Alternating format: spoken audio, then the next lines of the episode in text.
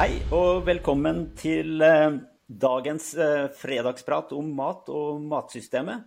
Eh, vi er ikke live klokka ti som vi sa, men jeg håper noen følger med nå. Men hvis ikke så er det mulig til å se dette senere på våre nettsider, på YouTube eller i podkast som kommer på en podkastkonto nær deg. Og der heter vi Reefing Food.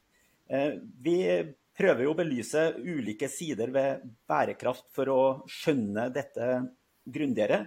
Eh, Og det er mange elementer i, i et bærekraftig matsystem som, som trengs eh, kunnskap og, og belysning. Eh, Og nå er det jo da dagen etter fårikålens dag. Og da er det helt naturlig å se på beitenæringa. Velkommen, Marte Langre. Takk for det. Du er jo eh, gårdbruker sjøl og jobber aktivt i både politikk og i Norsk sau og geit, som er deres eh, interesseorganisasjon for, eh, for beitenæringa. Jeg tenkte vi skulle i dag fokusere litt på hva er det vi får av disse beitedyrene, som først og fremst er sauen og geita, men det er vel også noen storfe som er ute og beiter. Men ta, ta ressursene litt kanskje i starten, Marte. Hva, hva slags ressurser er det eh, dere i beitenæringa bruker? Kan vi liksom si noe om størrelsen og, og hva det er, for eh, de litt mindre innvidde enn det du er? Ja, ja, det ligger jo litt i ordet, da. Beite, næring. Altså, vi har jo dyr som eh, går ute to og opptil tre måneder i løpet av vår, sommer og høst for å høste fôr. Um, og, vi, og akkurat der så innfrir vi i stor grad på det FN krever, at alle land skal bruke egne ressurser for å produsere mat. Og det gjør jo beitenæringen i høyeste grad. Eh, Vi produserer mat på våre egne ressurser. Altså Vi utnytter både innmark og utmark, som ikke kan benyttes til mat til mennesker direkte. Og Det er gras, urter, løv og lyng. Altså hvis du bare ser på geita, så spiser den nesten alt. Eh, Og I tillegg så benytter vi norskprodusert korn. Dvs. Si korn som ikke er kvalifisert til å være korn til mennesker. Så jeg tenker at vi utnytter godt det vi mennesker ikke kan spise, til å produsere kjøtt. Og ull, og mye, mye mer. Ja, for det kommer jo en sånn tilleggsprodukter her i form av, eh, av ull, som har jo den fine egenskapen at den erstatter mye av de fibrene vi bruker i, i klær, og for så vidt også andre ting, men som ikke da har en fossil opprinnelse. og det det overrasker meg noen ganger at uh, du har folk som er mot plast, og så skal de ikke ha husdyr, for de skal spise bare planter. Eh, og det er jo en litt rar eh, kombo, etter min mening, men uh, da, da blir det ikke så mye klær å ha på seg hvis du ikke skal bruke verken plast eller animalske råvarer. Nei, det, det blir veldig utfordrende. Altså, tenke at eh, bruk av naturens ressurser, og dyrene er jo faktisk det. Det er helt naturlig. Og du trenger faktisk ikke annet enn å vaske det. eh, I all hovedsak for å rett og slett eh, videreforedle. Og vi ser det i dag så er det jo økende bruk av norsk ulla. Altså det er jo faktisk, Vi har flere spinnerier som ser verdien av å bruke, norsk, og forbrukeren ønsker det. Og det er vi jo veldig glad for. Det må jeg si. Men la oss ta litt til det du ga et godt stikkord der eh, på, på hva FN sier. Ja. For, for i, i, i, i den debatten her er jo rundt å snakke med, med ganske eh, mange, så, så kommer vi stadig vekk inn på eh, at vi skal spise mer plantebasert, og det er jeg en stor tilhenger av. Men så blir det automatisk eh, også en sannhet at vi skal ikke ha eh, husdyr pga. metanutslipp. Eh, men, men hva er det dere i, i Norsk sau og geit og beitenæringa legger vekt på i FN sine, sine råd, som da andre ikke får med seg fullt ut? Ja, altså Vi i landbruket er, har jo forplikta oss til å bidra på den såkalte klima, klimadugnaden. da. Eh, og vi i NSG, på lik linje med andre avlsorganisasjoner, har eh, sett på å redusere metangassutslipp. Både i forhold til å gjøre det gjennom fòring og avl. Eh, ja, Vi har altså rett og slett forplikta oss til å redusere klimagassutslippene fra 2021 til 2030. Og NSG er jo, eh, er jo en eh, norsk sauehet, er jo en avlsorganisasjon. Og, og ønsker da å ta, hvis mulig, metannivå inn i avlsmålet. Altså, vi vil ønske å avle for redusert metanutslipp. Og vi, vi gikk til innkjøp av en, en, bil, et klimalaboratorium som vi kaller det, og vi kaller det metanmåleren. Enkelt forklart så er det ti kammer i den bilen, så vi måler ti søyer hver gang. Eller geiter, da. Søyene står i kammeret i 15 minutter, med 50 minutter, og så måler vi sluttkonsentrasjonen av metan i lufta. Um, uh, vi har målt 6000 søyer av rasen norsk hvit sau. Og beregningene etter dette forsøket viser jo at det er genetiske forskjeller mellom dyr i hvor mye metan de produserer. Og disse resultatene viser jo at det er mulig å inkludere redusert metanutslipp inn i avlsmålet. Vil si at neste generasjon, når vi har det i avlen, produserer mindre metan enn sine foreldre.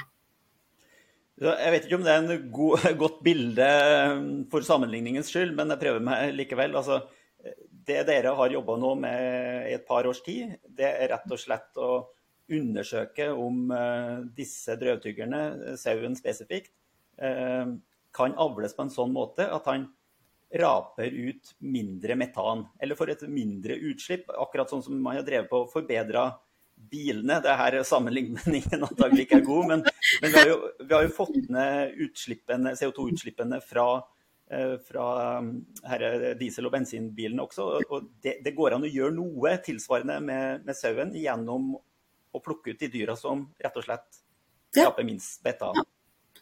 Men vi ser jo òg at det er forskjell på, på ulike typer fôr. ikke sant? Så det har jo både med drift og avl å gjøre. Men den kunnskapen vi, eh, vi har tilegna oss nå, kan vi da bruke videre. For å eh, gi kunnskap til våre, i tillegg til å på en måte bidra eh, innen avlen på rett og slett redusere metanutslippet. Det er, altså det er, kanskje vanskelig for enkelte å forstå arvegrad, men det er stor, stor arvbarhet på redusert metanutslipp på det vi har funnet nå, at det er i likhet med andre eh, egenskaper, sånn som tilvekst. Vi er jo veldig opptatt av tilvekst i forhold til selve kjøttproduksjon. Så det er en god arvegrad på det. Um, og resultatene var jo for oss veldig bra. Og så er det veien videre for oss som er, som er utfordrende.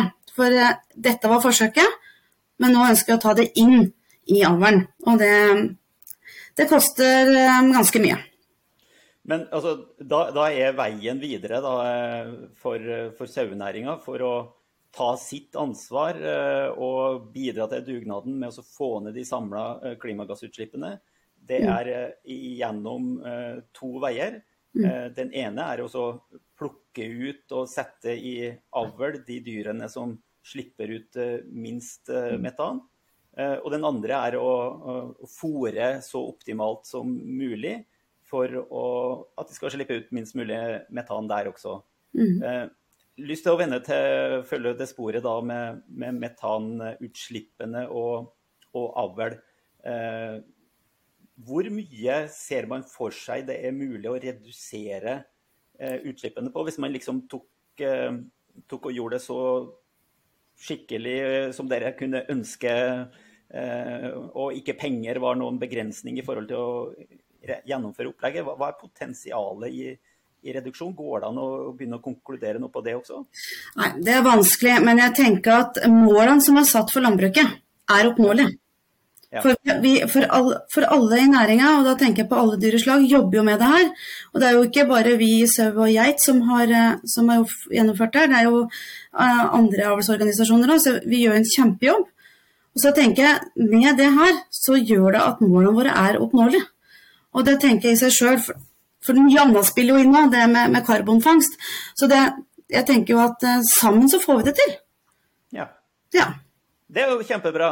Mm, det er det. men, men uh, da, da, vet vi uh, ut fra arbeidet dere har gjort, at det er mulig å få det til. Mm. Så er mange tilleggseffekter her som vi også kunne ha belyst. Men for å få det til, altså rett og slett starte løpet med de sju sesongene vi har nå inn mot 2030, eh, med å redusere eh, metanutslippene fra beitenæringa. Hva skal til for å gjøre det? Hva, hva, skorter det på når dere nå sitter med kunnskapen? Det er jo, det er jo midler til å faktisk sette det ut i livet.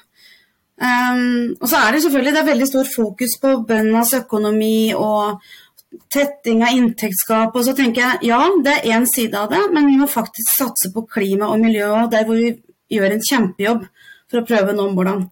Så, jo, så det, dette er jo litt politisk avhengig av at blir prioritert. Ja. Um, vi har jo Bionova, men potten er for liten. Ja. Det, og Bionova det er kanskje ikke uh, gitt at alle vet hva det er, for det eksisterer jo faktisk ikke ennå. Uh, men, men, det er knytta til at uh, i statsbudsjettet i fjor så ble det sagt at Bionova skal etableres i løpet av dette året. Det har ikke skjedd. Men vi har fått tydelige signaler på at de gjør et nytt forsøk nå i statsbudsjettet som kommer i neste uke, er det vel? Ja, vi har tro. Og da, da er Bionova eh, sagt å skulle være si, den verktøykassen og pengekassen som skal gjøre landbruket i stand til å nå sine klimamål. Mm. Eh, og vi kan vel ikke kritisere dem for et statsbudsjett de ikke har vist ennå, men Nei, det kan vi ikke. Men det må faktisk prioriteres. Det er som du ja. sier, at nå kommer det jo et statsbudsjett, og eh, altså mange av oss sitter klare for å på en måte ta i bruk eh, kunnskap vi har tilegnet oss, og, og, og ennå forske videre. For det er jo det eh, Bionova er ment for. Altså bidra der vi ser det er mulig å oppnå resultater i forhold til grønn omstilling. Um, nei, så det er, det er politisk uh, vilje og ikke minst evne. Det jo, vi vet jo at det er um, Dessverre så blir det trangt i statsbudsjettet i år, og det, det er lett å skjønne. Um, men det må prioriteres. Det må, som du sier, det er ikke oppe og går, men da, det må i hvert fall settes i gang. En, få en Mm. Ja, vi, vi, kan jo ikke ta eh, for oss alt som er eh, prioriteringsutfordringen i statsbudsjettet i, i år. Men, eh, men, men, det er jo en kjensgjerning at, at det er store og krevende ting som er viktige for oss alle sammen, som, står, som, som statsbudsjettet i år må, må, håndtere. Og da er jo også denne klimamålene til 2030 helt vesentlig, den biten. Mm. Og for deres del så handler det da om å kunne egentlig fortsette eh, utviklingsprosjektet som dere har kjørt nå i to år, mm. eh, ved å bruke målemetoder og bruke dataene fra målemetodene inn i den systematiske utvalgelsen av eh, nye avlsdyr. Helt riktig. Eh, men hvor mye penger snakker vi om, egentlig? Sånn anslagsvis? Nei, nå har vi jo brukt eh, ja, drøye to millioner eh, på dette prosjektet hittil. Men det var jo òg med, eh, med, støtte fra EU-midler, altså EU-prosjektet Smarter. Um, men det er klart, vi må, vi må sette av våre ressurser, altså våre folk. Og det kommer i tillegg til da å kjøre bilen. Så det vil jo koste noen millioner å holde det i drift uh, i året. Det vil det. Men uh, noen millioner altså Her er det da snakk, her er det da snakk om uh, å redusere de klimagassutslippene ja. som er mulig å, å redusere. Mm. Eh, og ja, altså noen millioner. La oss, la oss bruke et tall som ti, da. Ja. Altså ti millioner i, i året. Da er det mulig å få et reelt bidrag fra beitenæringen, med da sauen og eventuelt geita også. Eh, ja, og du så... tenker at du kanskje får med deg storfe og der, ja. Ja, riktig. Ja. Mm. I den sammenheng syns jeg ikke dette høres ut som mye penger. Nei, det er jo virkelig ikke det. Eh, det er en liten sum for, eh, i mine øyne og manges øyne, store resultater. Ja. Men er problemet litt at Altså, du er jo da sikker eh, på at eh, dette har vi noe data på, det kan mm. gjøres. Mm. Eh, og alle eh, rundt oss, både forbrukere, aktører i verdikjeden og politikerne, sier at vi må gjennomføre det. Mm. Er, er, problemet egentlig at de ikke vet at det er mulig? Kanskje. Vi har nå hatt eh, vi har nå hatt muligheten til å, å, å, fortelle om den gode historien vår eh, i dialog med både ja, med sentrale politikere. Eh, men jeg tror nok kanskje at det må gjentas, rett og slett. I, i, går, I, går, så var jeg på et eh, arrangement uh, med en slags uh, klynge. Mm. Som, det var ikke da næringsklyngen Heidner, som du kjenner godt til oppe på Innlandet, men men en sånn bærekraftsklynge på alle typer vareproduksjoner, også mat. Mm. Um, og der er det jo ikke mangel på entusiasme blant eh, deltakerne der på å bidra til å, å nå klimamålene som sådan. Eh, men de snakker om at man må gjøre en jobb, men de har ingen, eller veldig få, eh, konkrete eksempler på hva som kan settes i gang. Så, så det, jeg syns deler av det, de, det, miljøet jeg er en del av og, og samarbeider med, er prega av at vi driver og snakker med hverandre hele tida om at vi må få gjort noe, og det er viktig å gjøre det. og Det må prioriteres, og vi må skjønne at det er, skal gjennomføres. Mm. Men vi har ikke i de samtalene de tydelige casene på hva som skal, skal gjennomføres. Um, og når vi er på andre samfunnssektorer, så er vi da sikre på at uh, vi skal ha elbiler og vi skal ha noe andre ting. Uh, mens den topp ti-lista på på, på, mat, eller primærleddet i, i matproduksjon, eh, den syns jeg ikke vi, vi mangler. Vil, vil, du si at dette er en kandidat til å være på topp ti over tiltak i landbruket som gir effekt? Absolutt. Altså, og så er det jo metan som på en måte kalles verstingen, hvis du kan, hvis du kan kalle det det. Så hvis eh, en samla beitenæring kunne vist til at dette, dette når vi, så tenker jeg det må jo være eh, absolutt på topp. Det vil jeg bare si. Det vil si topp tre. ja, men, eh, men det eh, ja, kanskje, la, kanskje, det er noe vi kan gjøre i Rethink Food? Rett og slett eh, lage en sånn eh, topp ti-liste over de beste smart, og billigste tiltakene på på klimagassutslippsreduksjoner fra eh, landbruksnæringen. Det har vi ikke tenkt på før, men kanskje, kanskje, vi skulle gjøre det? Ja, det, det syns jeg absolutt.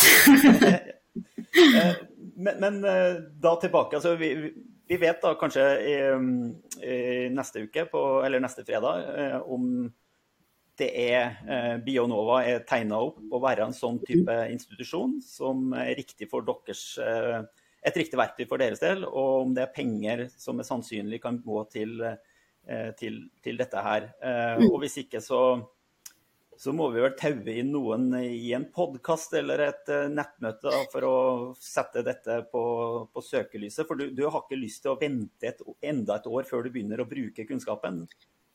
Nei, det er jo det er veldig synd at vi må det men vi vet at den jobben vi kan gjøre, reduserer metanutslipp. Og så får vi ikke brukt det. Det er nesten en stor skam, vil jeg påstå.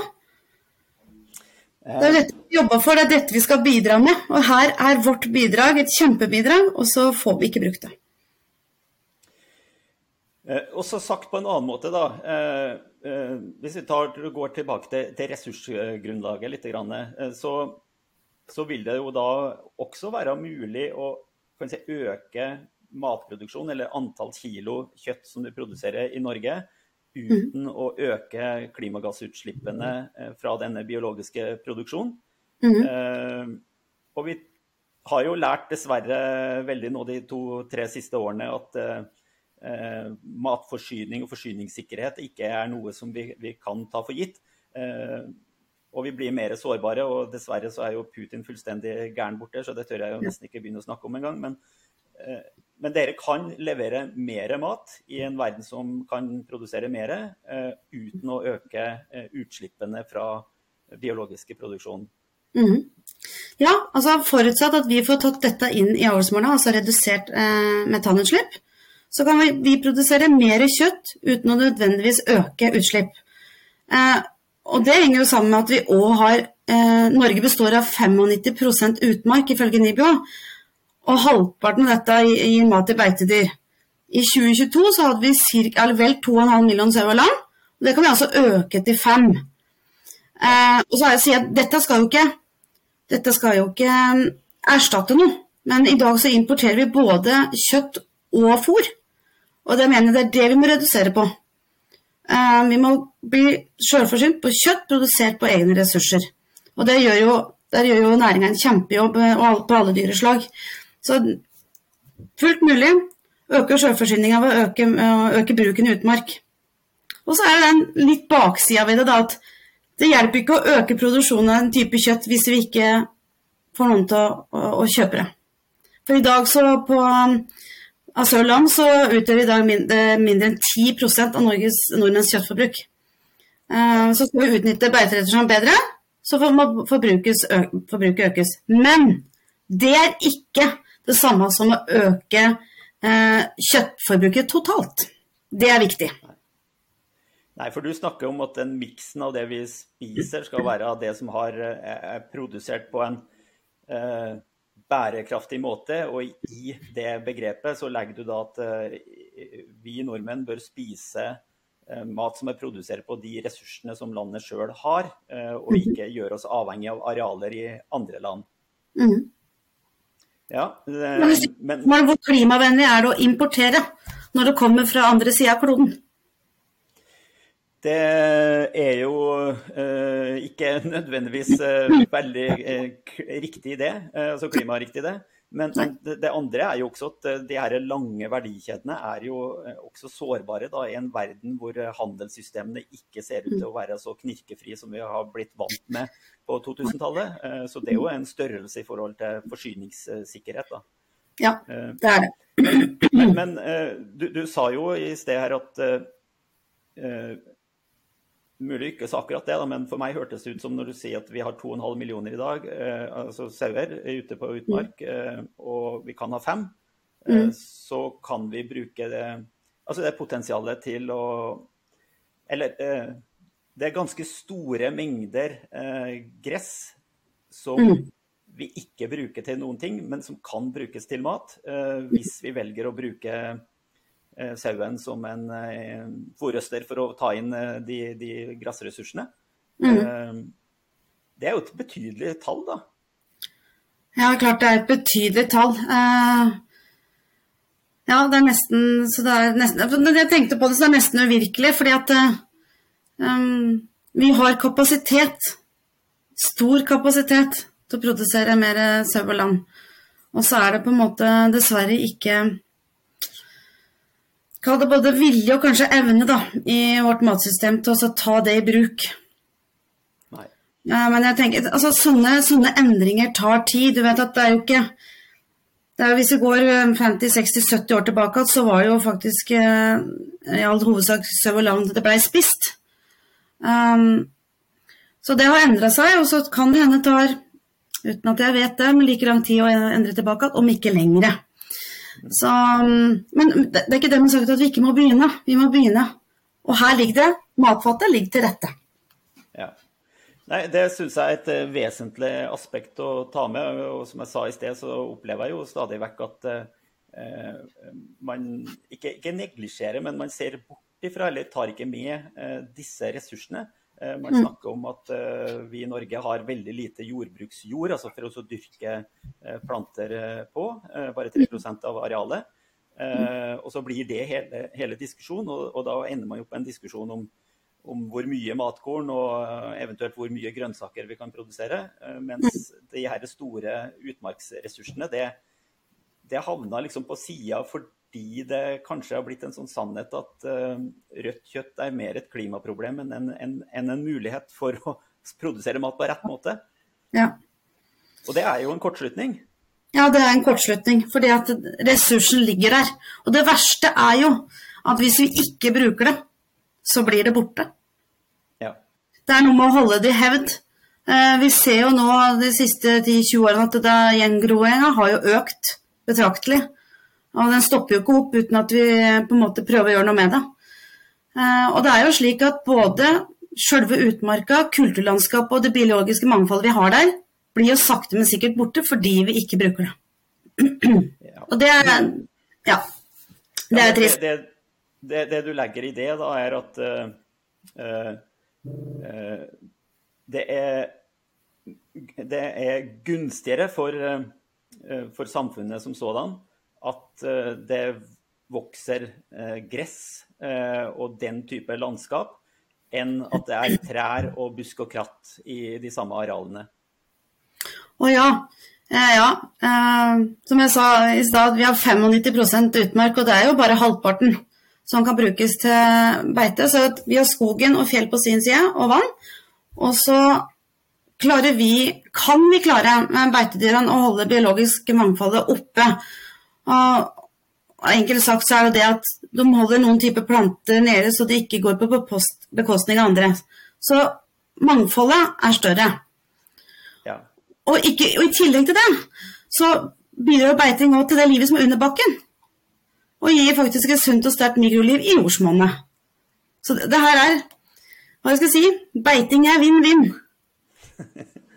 ja, og det, jeg får jo lyst altså Vi har jo snakka om det her tidligere, Marte, så vi jo mm har jo lett for å være enige, enige om ting. Mm. Men, mm. men, men, det som, eh, det som eh, jeg syns er litt fortsatt litt da, sjokkerende for å komme tilbake til litt samme problemstilling en gang til. Men det FNs klimapanel har sagt, er jo at for å løse klimaproblemene og bevare det biologiske mangfoldet, så må vi produsere mat på en ressurseffektiv måte, men framfor alt ha en veldig høy produktivitet, få øka produksjon. Eh, mm. Og de peker på to ting som er, er, er viktig. Det ene er da å utnytte det opparbeida jordbruksarealet eh, som, eh, som, finnes i alle land, også i Norge hvor vi har lite av det. Eh, og så er det grass management. Utnytt mm. gresset eh, for å klare å produsere nok. Ikke fordi vi mangler mat i, i dag som globalt sett, eh, men fordi vi kommer til å gjøre det om 10-20-30 eh, år. Mm. Eh, og den logikken som, som, som, Eller det spørsmålet som gjorde at de kom fram til den konklusjonen, var jo at uten stabilitet rundt matforsyningene, så er det ikke mulig å løse klimaproblemer eller andre store samfunnsproblemer. For da blir samfunnet destabilisert. Eh, og det syns jeg var interessant når jeg så det første gangen rundt eh, 2017-2018 eh, tror jeg det her kom eh, tydelig første gangen fra Klimapanelet. Men i lys av eh, den virkeligheten som vi har fått i løpet av tre år, så er jo dette et superviktig poeng. Det er jo ikke stabilitet i det hele tatt lenger. Ja, jeg måtte bare si det, for jeg syns det er det, det, det, er, det, er, viktig at vi, vi faktisk må må eh, se for oss hvordan vi produserer mer mat, og det er oppgaven, ikke hvordan vi kan begrense produksjonene for å unngå å få klimagassutslipp. Det er liksom det samme som å sage av greina du har på. Ja. Eh, og da er vi igjen tilbake da, til det største tiltaket som du har, og det er eh, da eh, metanmålere og husdyravl i den sammenhengen. Ja. Eh, vi, vi, har jo da eh, en Senterpartiregjering som eh, da kommer med tiltakene. Vi skal ikke begynne å kritisere dem nå når vi er veldig spent på hva de kommer med. Men mm. eh, hvis, eh, hvis, det ikke er eh, Altså hvis samfunnet tar seg råd til nå da å ikke jobbe med å redusere metanutslippene på sau og geit og eller drøvtyggerne mm.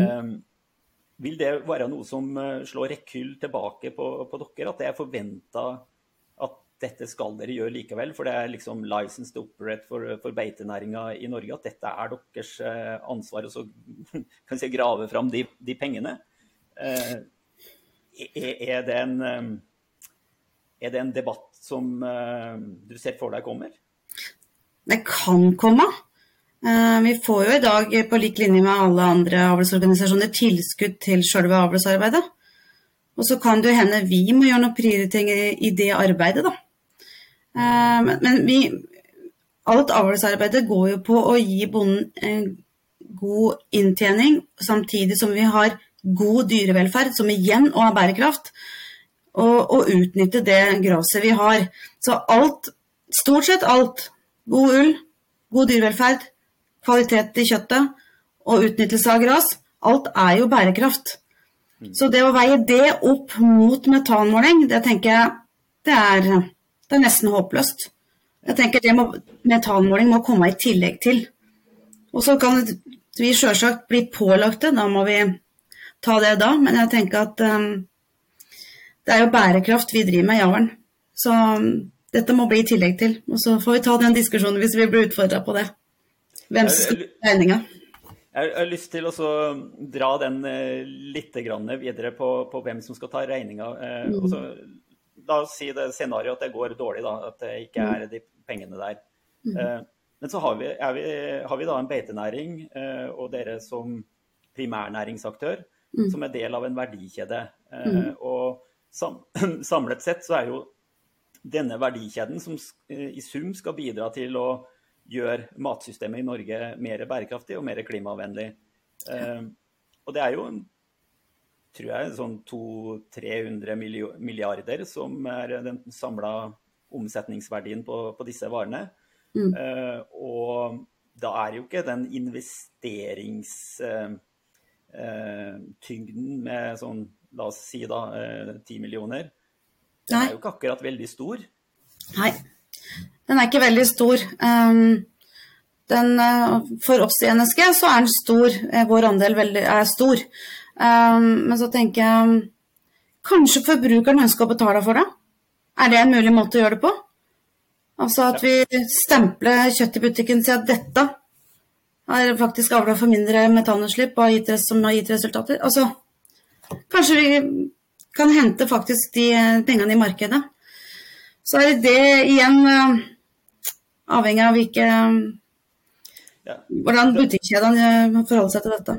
Ja, da, så da blir det jo på, med, med merkeordning eller informasjon mm. til forbruker, så det kan skille mellom eh, hvordan ting er produsert og hva slags eh, avtrykk det har. Det, det, er jo absolutt en relevant eh, vei, men det er jo avhengig av de eh, andre aktører. Dere kan ikke begynne å sette merkelappene Jo, kan jo sette merkelappen på sauen, men eh, ja. de, de, må ta den med seg ut i pakken. da.